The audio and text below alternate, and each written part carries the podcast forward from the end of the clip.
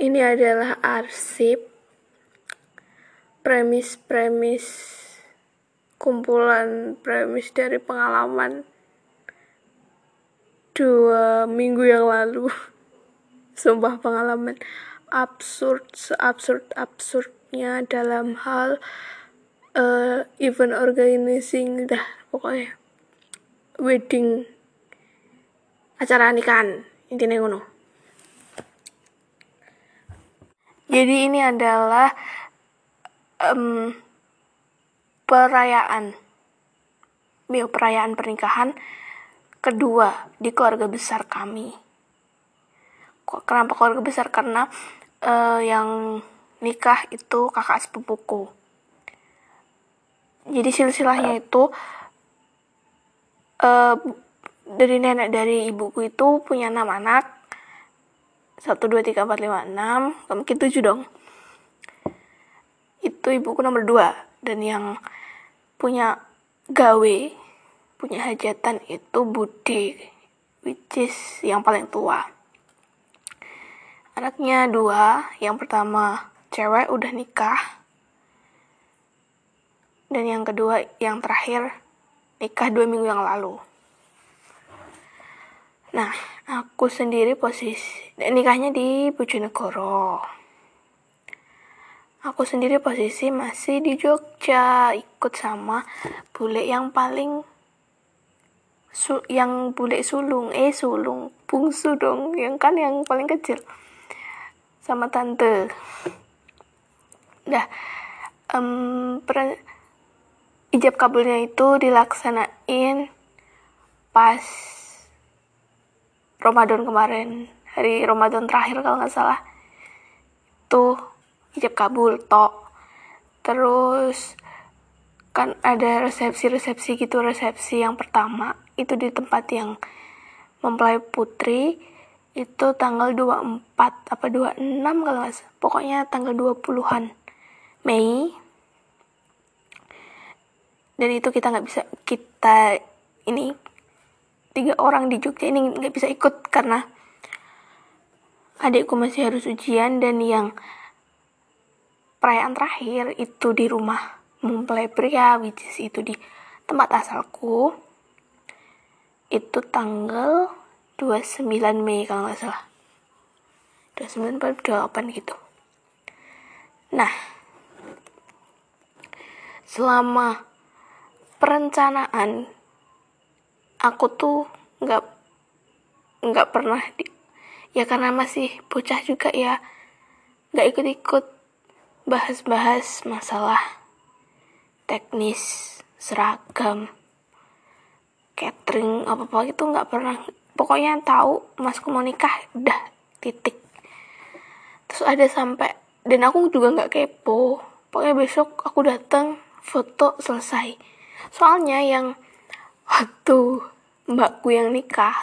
Jadi perayaan pernikahan pertama di keluarga besar kami aku tuh sempat sakit hati. Gara-gara kita datang waktu itu perayaannya di kecamatan pak apa gitu. Pokoknya sih di satu bangunan gede di babat Lamongan belakang pasar babat aku inget banget. Nah kita tuh dateng resepsian di situ tapi entah gimana kayak semua orang tuh naik ke panggung tapi aku enggak. Aku merhatiin saudara-saudaraku bule pak de bule-bule pale-pale itu foto sama mbakku foto sama yang nikah sama mempelai di pelaminan dan aku enggak aku enggak naik. Kayak aku dilupain gitu jadi itu sakit banget dan aku sempet um, agak protes. Pokoknya nikahan yang ini nikahan kedua ini aku harus ada di album foto. Nah karena yang ijab dan pernikahan yang pertama nggak ikut dan masa bodoh juga. Aku tuh nggak tahu apa-apa. Ternyata yang pernikahan sekarang kan kalau yang kemarin yang cantik keluarga inti. Ini tuh yang se yang pernikahan kedua ini dicanangkan ada seragam sekeluarga besar. Itu dapat seragam semua. Nah um, ada bahasan di grup keluarga besar itu kakak yang udah nikah atau ya kakaknya kakaknya mempelai pria itu chat di grup bilang kalau kasih ngenotes gitulah. Um, broklat apa sih? Itu loh pokoknya. Baju yang buat kondangannya itu war seragamnya itu warnanya coklat. Pakai ya Allah. Seragamnya tuh warnanya coklat sama jilbabnya itu krem. Itu ngasih tahu sama saudara yang adik sepupuku pas cewek. Kayaknya itu dia bakal di make up di dan dan gitu. Jadi harus menyesuaikan baju intinya kayak gitu. Terus nanya yang cowok gimana yang cowok nggak usah make up nggak usah aneh-aneh. Dah titik. Dari situ aku tuh um, aku walaupun aku nggak diajak ngomong maksudnya ya itu cuma percakapan. Lalu yang nggak ada orang bahas lagi. Itu aku bener-bener ingat. Seragam coklat seragam coklat seragam coklat jilbab krem jilbab krem seragam coklat jilbab krem seragam coklat itu aku inget bang inget inget dan uh, ada masa di mana kayak tanya ukuran buat seragam. Dan ternyata yang dapat seragam itu cuma uh, bule pale mesti yang tua-tua toh si saudara-saudara sepupu tuh nggak ada yang dapat nah udah nggak apa-apa sih. Aku punya kok batik coklat. Terus aku nggak punya jilbab krem aku beli ah. Itu kan itu kan ngenotes di grup itu bahkan sebelum ijab. Jadi kemungkinan si kan ijabnya biasa cuma ijab di rumah nggak ada perayaan gede-gede. Jadi aku tebak pasti seragam yang dimaksud ini buat resepsi. Nah itu kan dibilangin pas puasa. Kita nanti balik tanggal pokoknya akhir Mei. Karena kebetulan aku ada temen yang nitip jilbab waktu itu waktu hari-hari puasa di dekat rumah di dekat rumah yang aku tinggali ini ada kayak store jilbab gede itu toko muslimah lah supermarket muslimah. Aku ke situ beliin temen pesanan temenku yang nyari jilbab buat datang ke undangan juga. Pun aku cari jilbab buat aku kondangan besok buat walaupun aku gak di seragamin tapi aku mencoba menyeragamkan diri. Mandiri gitulah. Nah dah aku dengan susah payah yang mana. Walaupun pandemi tapi di situ tuh nggak kerasa. Orang berjubel nggak ngerasa ini yang penting aku dapat baju mukena jilbab sandal sepatu tas terbaru buat perayaan lebaran. Walaupun kadang virtual tapi nggak tahu pokoknya orang-orang tuh belanja sampai ada kali hampir satu jam aku berdiri cuma nungguin antrian bayar di kasir. Sumpah ini harusnya lantai bawah tuh isinya kasir tok. Lama banget. Gara-gara belanjaan orang dan segitu banyak orang yang belanja. Dah udah dapet nih. Keluar orang bawa tentengan banyak-banyak tas. Aku cuma aku menolak resek ya. Jadi aku um, digulung gitu kan jilbabnya dua. Udah pegang tek gini. Segenggam jilbab ini. Aku perjuangkan keluar. Udah. Aku dapet jilbab krem seragam eh pakaian coklat. Aku punya itu batik seragam sebenarnya tapi karena seragam di sini kayaknya kalau aku balik ke Jonegoro nggak ada yang nyamain. Terus karena uh, si batikku itu coklat sama hitam jadi aku pakai rok hitam polos. Udah itu tak bawa. Tang pas perjalanan tanggal 29 eh pas perjalanan tanggal 28 pada 27 pokoknya perjalanan mau pulang ke Bojonegoro yang mana jam tengah malam kita sampai besok siang jam pagi yaitu jam 10 acara di acara resepsi di tempat mempelai pria itu dilaksanakan. Nah kan nyampe rumah capek tidur terus besok paginya. Kan bi bibiku ibuku pokoknya saudara-saudara pak dit pali semua itu kan dapat seragam. Apalagi yang cewek-cewek itu kan harus make up. Itu pada berangkat lebih dulu daripada aku. Kayak ibuku cuma mandi bare face terus ke tempat uh, tempat acara?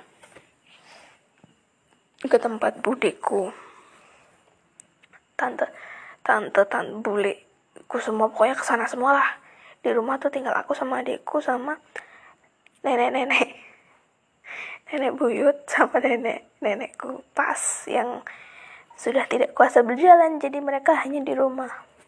Dah aku nyetrika bener-bener. Soalnya kan dari tas agak kucut kucel ya. Aku setrika dengan baik. So aku aku ngeluarin jilbabku ngeluarin pokoknya aku mengeluarkan semua outfit yang akan aku pakai di hari bersejarah ini. Pokoknya aku juga harus jadi orang tercantik walaupun agak beda. Aku nggak ada seragam tapi aku mencoba menyamakan. Aku pokoknya kali ini aku harus ada di album foto nikahan udah itu. Ya terus adikku juga nggak dapat kan? Adikku nggak dapat seragam juga. Akhirnya uh, ibuku ngeluarin ada batik sama baju koko. Batiknya itu ya coklat oranye ya itulah warna gelap yang menurutku lebih masuk mirip-mirip warnaku senada sama warnaku. Terus yang saat yang baju koko tuh biru. Nggak usah lah bu yang ini aja kan uh, biar berseragam apa ya biar samaan gitu biar nggak nyaru nanti adikku kalau foto. Aku tuh mikir gitu. Terus ibuku bilang aku sih sebenarnya lebih suka adik pakai baju koko ya. Soalnya adikku bodo amat. Oke okay, aku setrikain batik nya adikku aku cerita nyetrika batikku bajuku semua sama jilbab. So aku angkat jilbabku ini. Si krem kan ini krem abu-abu kilau kilau kilau berkilau asik gitu. Terus aku bilang ini sama nggak warnanya? Sama seragam aku bilang gitu kan. Enggak uh, jilbabnya itu agak kuning ibuku tuh bilang gitu. Jadi warnanya sesoft itu nggak tahu maksud ibuku tuh agak bener-bener ibuku tuh bilang agak lebih kuning jilbab yang seragam. Oke kuning coklat krem masuk lah masuk. Ini pasti masuk. Nggak apa-apa agak kan berarti nggak jauh ya agak loh. Dah adikku adikku kayaknya berangkat duluan karena dia dibutuhkan. Terus jam sembilanan itu nenekku bilang bu kamu gak usah berangkat dulu. Berangkatnya nanti habis resepsi aja. Di sini nemenin gitu kan bilangnya minta temenin. So, aku bilang lah di grup kayaknya nanti aku habis resepsi deh ke sana. Terus kayak orang-orang tuh marahin ih ngapain? Jauh-jauh dari Jogja. Cuma tetap nggak ikut acara gitu kan. Akhirnya um, saat enggaknya ada yang ngontak tetangga jadi ada tetangga yang main ke rumah. Akhirnya nenekku sama nenek buyut kan ada temen. So, aku berangkat lah mereka uh, nenek nenekku sih yang yang tahu nenek buyut mah udah cuma di kamar tok. Udah begitu aku keluar mau otw ke sana pamitan kan si nenekku di pintu itu ngeliatin orang luar sambil ya berjemur lah walaupun gak kena sebenarnya. Intinya mencoba membaur dengan kehidupan. Udah aku keluar mau keluar bener-bener keluar dari halaman rumah. Eh aku keluar dari pintu rumahku nenek di pintu boy rumah kita tuh nempel aku keluar nenekku lihat. Satu kata yang dibilang beliau pertama kali yang muncul adalah lo kok macak tuwe? Kok kok dandananmu kayak orang tua aku digituin. Batik jadi oh iya mungkin karena batikku itu batik motif yang bunga-bunganya tuh gede-gede dan ya aku ngerasa itu bat ya namanya batik seragam ya nggak nggak mungkin aneh-aneh kan batik seragam lembaga pendidikan Islam. Kan nggak mungkin ada motif. Titik-titik lainnya diisi sesuatu ada motif. Lovey lovey kan gak mungkin ya. Dah itu satu kena mental sekali. Aku di be di belakang di balik masker tuh aku ngedumel tapi nggak kedengeran.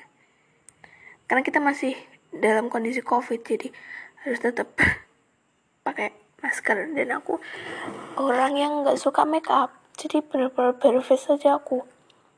Lagian aku pakai masker gitu kan jadi ngapain pakai make up ngotor-ngotorin masker malahan kan gitu. Udah bodo amat bodo amat bodo amat. Itu sampai aku jalan pakaianku yang kayak orang tua tuh dibahas terus. Tadi ngomongin ngomongin ke aku langsung ini dibahas sama tetangga.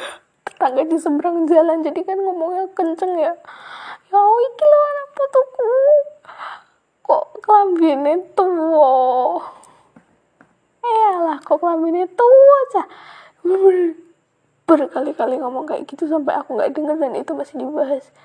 Bodo amat bodo amat bodo amat bodo udah sampai ada kayak terima tamu atau apa itu mereka juga pakai seragam yang mana lebih pastel dari coklat yang aku pakai.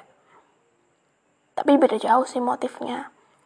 Oke oke masuk.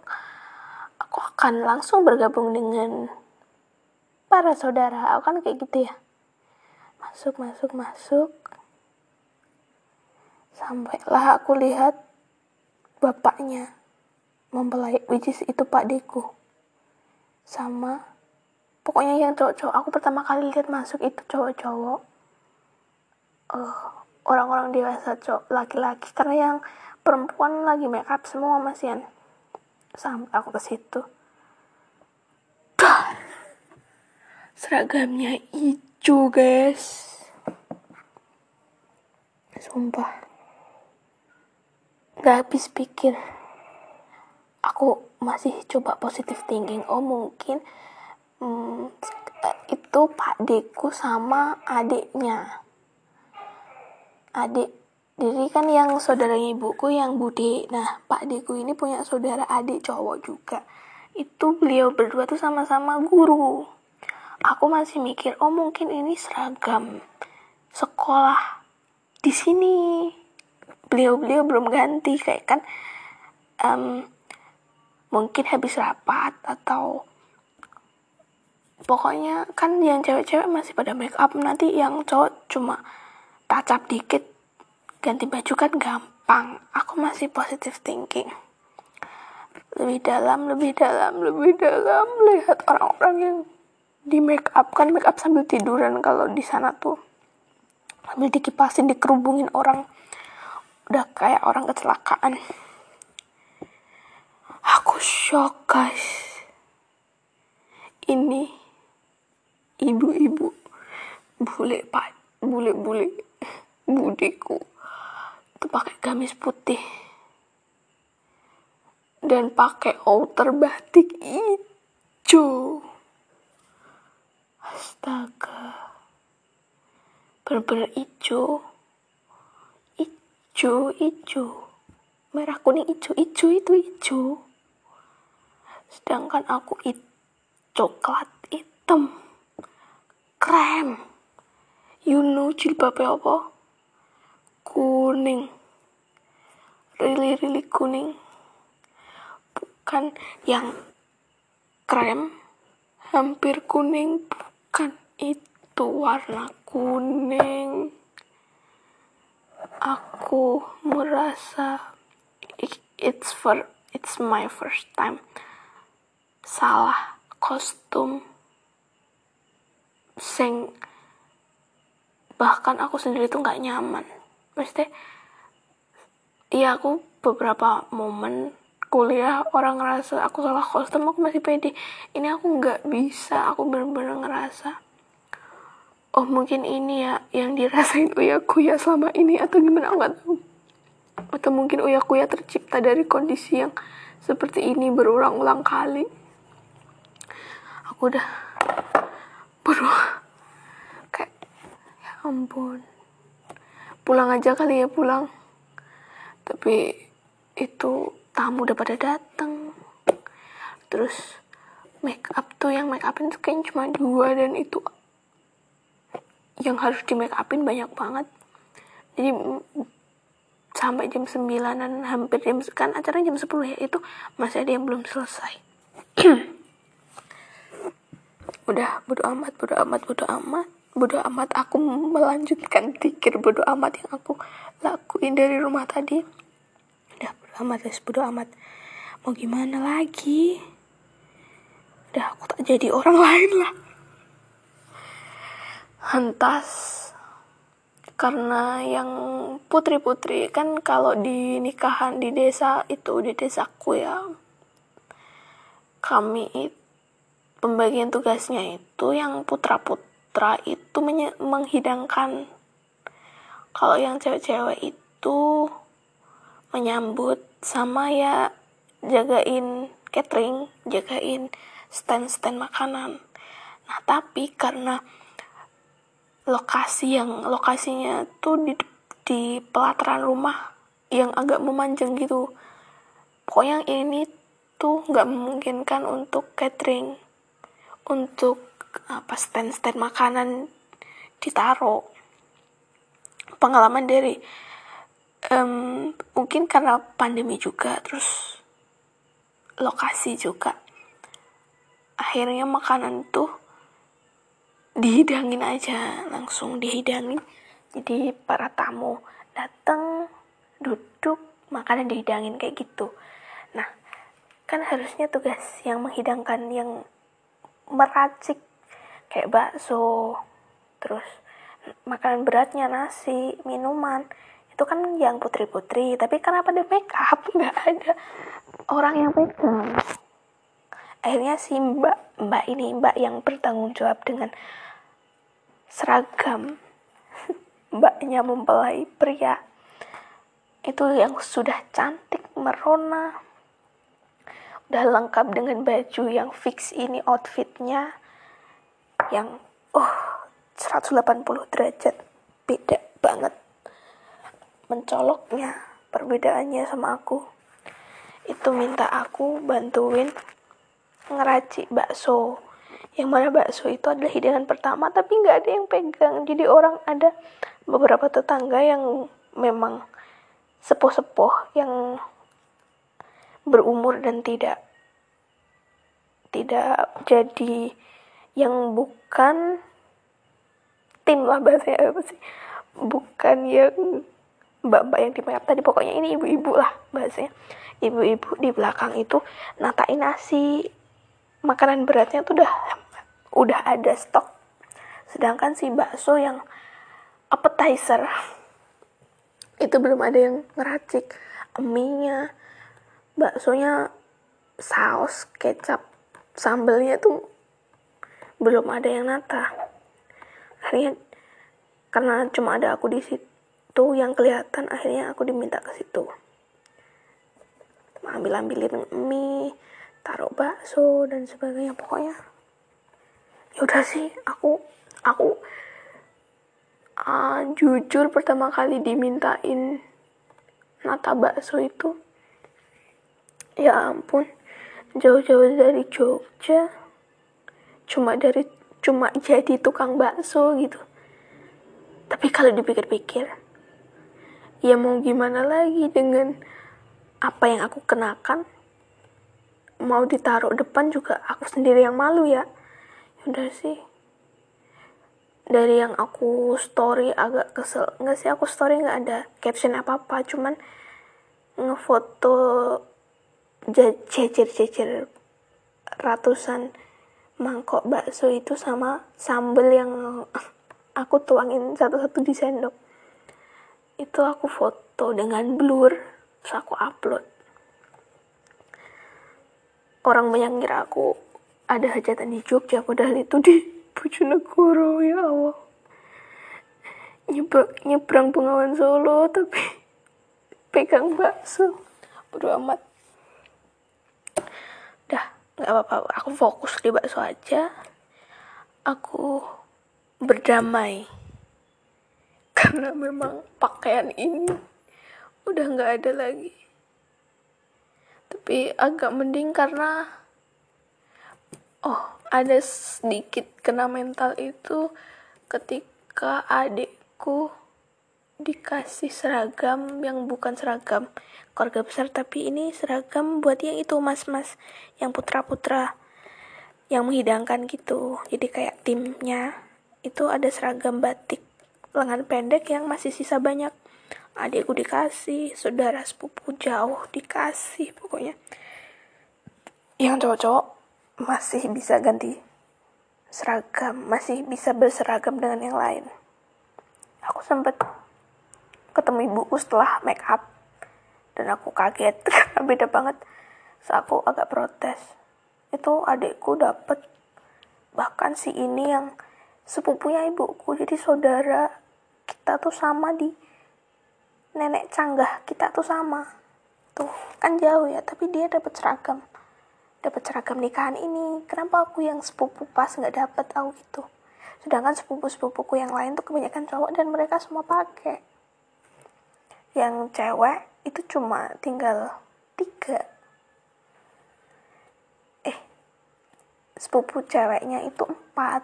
Yang pertama kan si mbak yang punya yang adiknya nikah otomatis kan dia pakai terus yang paling kecil itu ya anak kecil harus kasih seragam. Jadi kayak sisa bahasanya itu mungkin sisaan kain batik. Terus kan cuma jadi outer kan jadi nggak nggak butuh banyak kain buat si adik sepupuku itu. Nah sisa dua ini aku sama si adik sepupu yang bawahku pas cewek yang mana ternyata dia datangnya agak telat karena di depan rumah dia juga ada nikahan dan dia diminta jadi terima tamu. Oke nanti si adik sepupuku datang adik sepupuku pas ini datang minimal kan pasti dia nggak dapet seragam kan? Aku berdoa semoga warna yang dia pakai bukan hijau. Udah sampai mana tadi? Udah kan? Udah apa aku ngurusin bakso sampai selesai? Sampai sodakohul adim sampai ganti makanan aku di bakso dan udah pokoknya aku malas keluar sama sekali. Cuman sampai mana tadi? Ya udah pokoknya aku di bakso. Bakso selesai aku ke kamar mainan.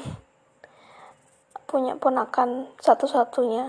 Itu isinya. Pokoknya sebenarnya mainan itu ada di ruang tengah tapi karena nggak memungkinkan jadi di drop di ruangan antah berantah yang campur sama banyak banget barang. Aku cari spot buat tiduran. Aku istirahat di situ.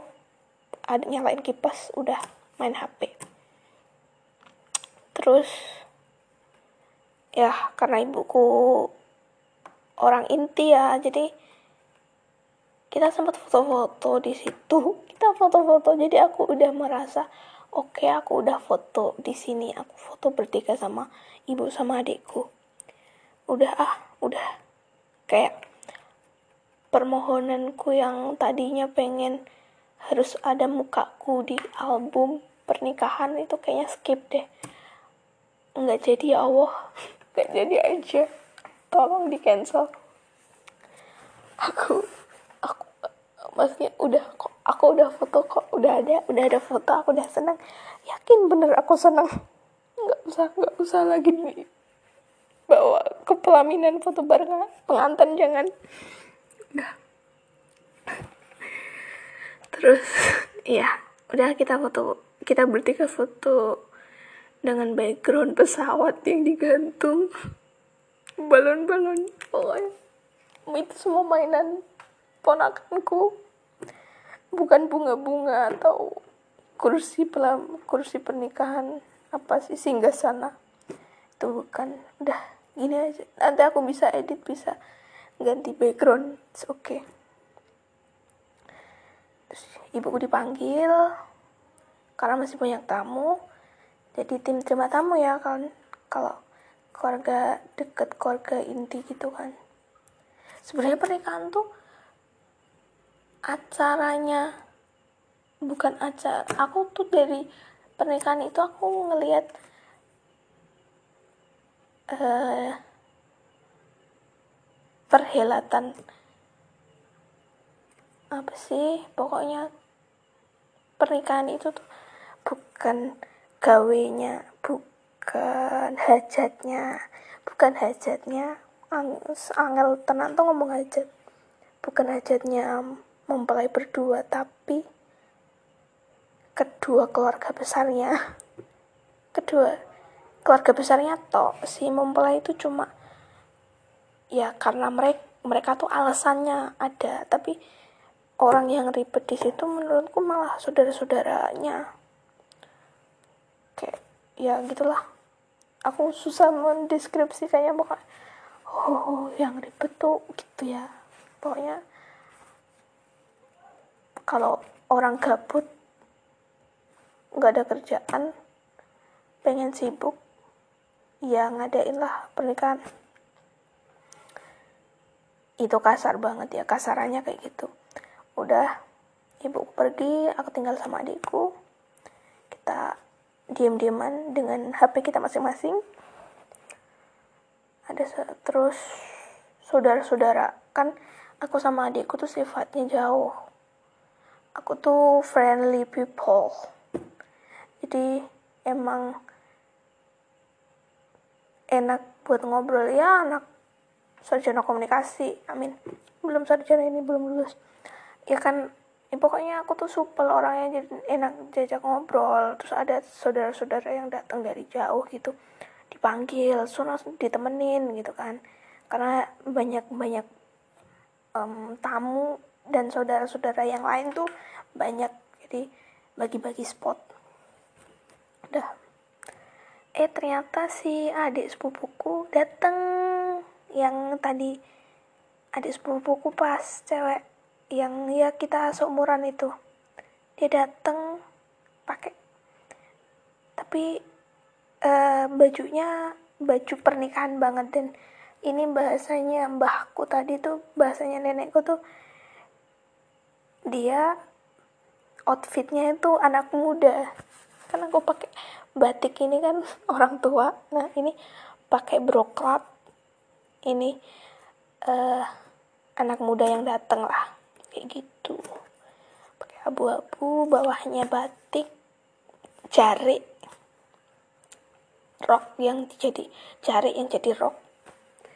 Dah kita udah ngobrol ngobrol sama saudara yang lain ngobrol sama dia sama mbah utinya sama pokoknya. Kalau um, tamu semakin ke dalam itu semakin intim. Hubungan semakin dekat hubungan persaudaraannya. Jadi kalau tamu-tamu yang cuma di luar rumah itu ya tamu just tamu kolega kenalan kayak gitu. Tapi kalau di dalam semakin ke dalam rumah duduknya yang lesehan dan apa namanya suguhan makanannya lebih banyak itu pasti saudara-saudara deket VIP lah bahasanya. Nah kita ngobrol asik bahkan sampai Mbak Hutinya kan capek aku ngambilin bantal buat Mbak Huti bisa bobo di situ nah udah kan? Asik ngobrol tentang kuliah. Kita nggak ngerasa kita lagi ada di nikahan. Kita lagi aku ngerasa kayak dalam beberapa waktu aku ngerasa kayak senior senior banget nih senior tua lagi ngasih ceramah ngasih motivasi ke maba. Jatuhnya kayak gitu. Soalnya ini dia tuh semester 2 nanya mbak skripsi susah nggak? Anjir. Iya tergantung orangnya lah. Kalau kamu ngelihat aku ya pasti susah. Janganlah jangan ngelihat aku. Aku udah lima tahun. Dah dah ngobrol ngalor ngidul terus ada suara yang aku sangat kenal which is itu adalah mbak sepupuku yang pertama yang punya gawe yang paling sibuk dengan segala urusan kanan kiri depan belakang atas bawah pernikahan ini manggil kami berdua. Katanya dan yang aku lihat sendiri kita ditarik ke pelaminan gara-gara semua keluarga. Yang mana um, bule pale. Om tantenya mempelai pria sudah ada di atas pelaminan beserta anak-anaknya which is itu sepupu-sepupuku. Udah siap foto bareng. Kayaknya mereka udah foto bareng tapi baru nyadar. Itu kayak um, waktu foto nikahnya mbakku aku nggak nggak ada yang nyadar aku nggak ada kan aku di situ masih kecil. Nah sekarang ini aku udah agak gedean jadi pada sadar kan. Ih ini atau mungkin akunya orang-orang tetap nggak sadar aku nggak ada tapi apa orang-orang tuh bodoh amat. Aku nggak ada tapi karena ada saat ini adik sepupuku cewek ini nggak ada. Dan mungkin orang tuanya yang protes atau gimana aku nggak tahu. Akhirnya kita berdua dipanggil ini tinggal kalian berdua yang belum ada di pelaminan. Ya foto-foto cepet foto-foto bareng. Anjir. Ini adalah pergulatan mental terbesar.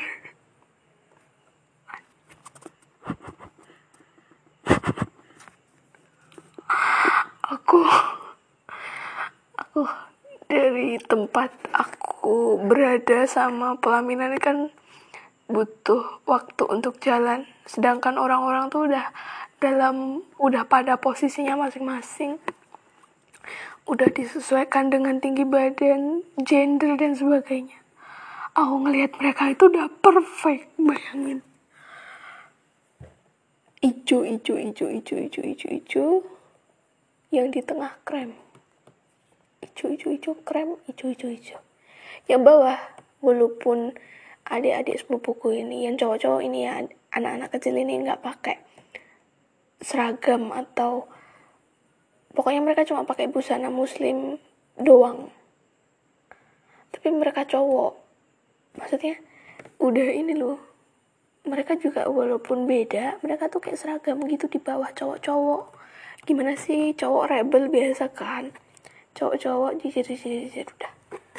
Aku jalan tuh sampai ngeliat ya ampun udah kalian foto aja itu udah udah udah ya Allah cancel ya kan aku tadi udah bilang cancel ya Allah kenapa gak cancel? Kenapa pada inget? Salah aja ngobrol harusnya aku di tempat bakso lagi. Oke, ayo cepat naik cari tempat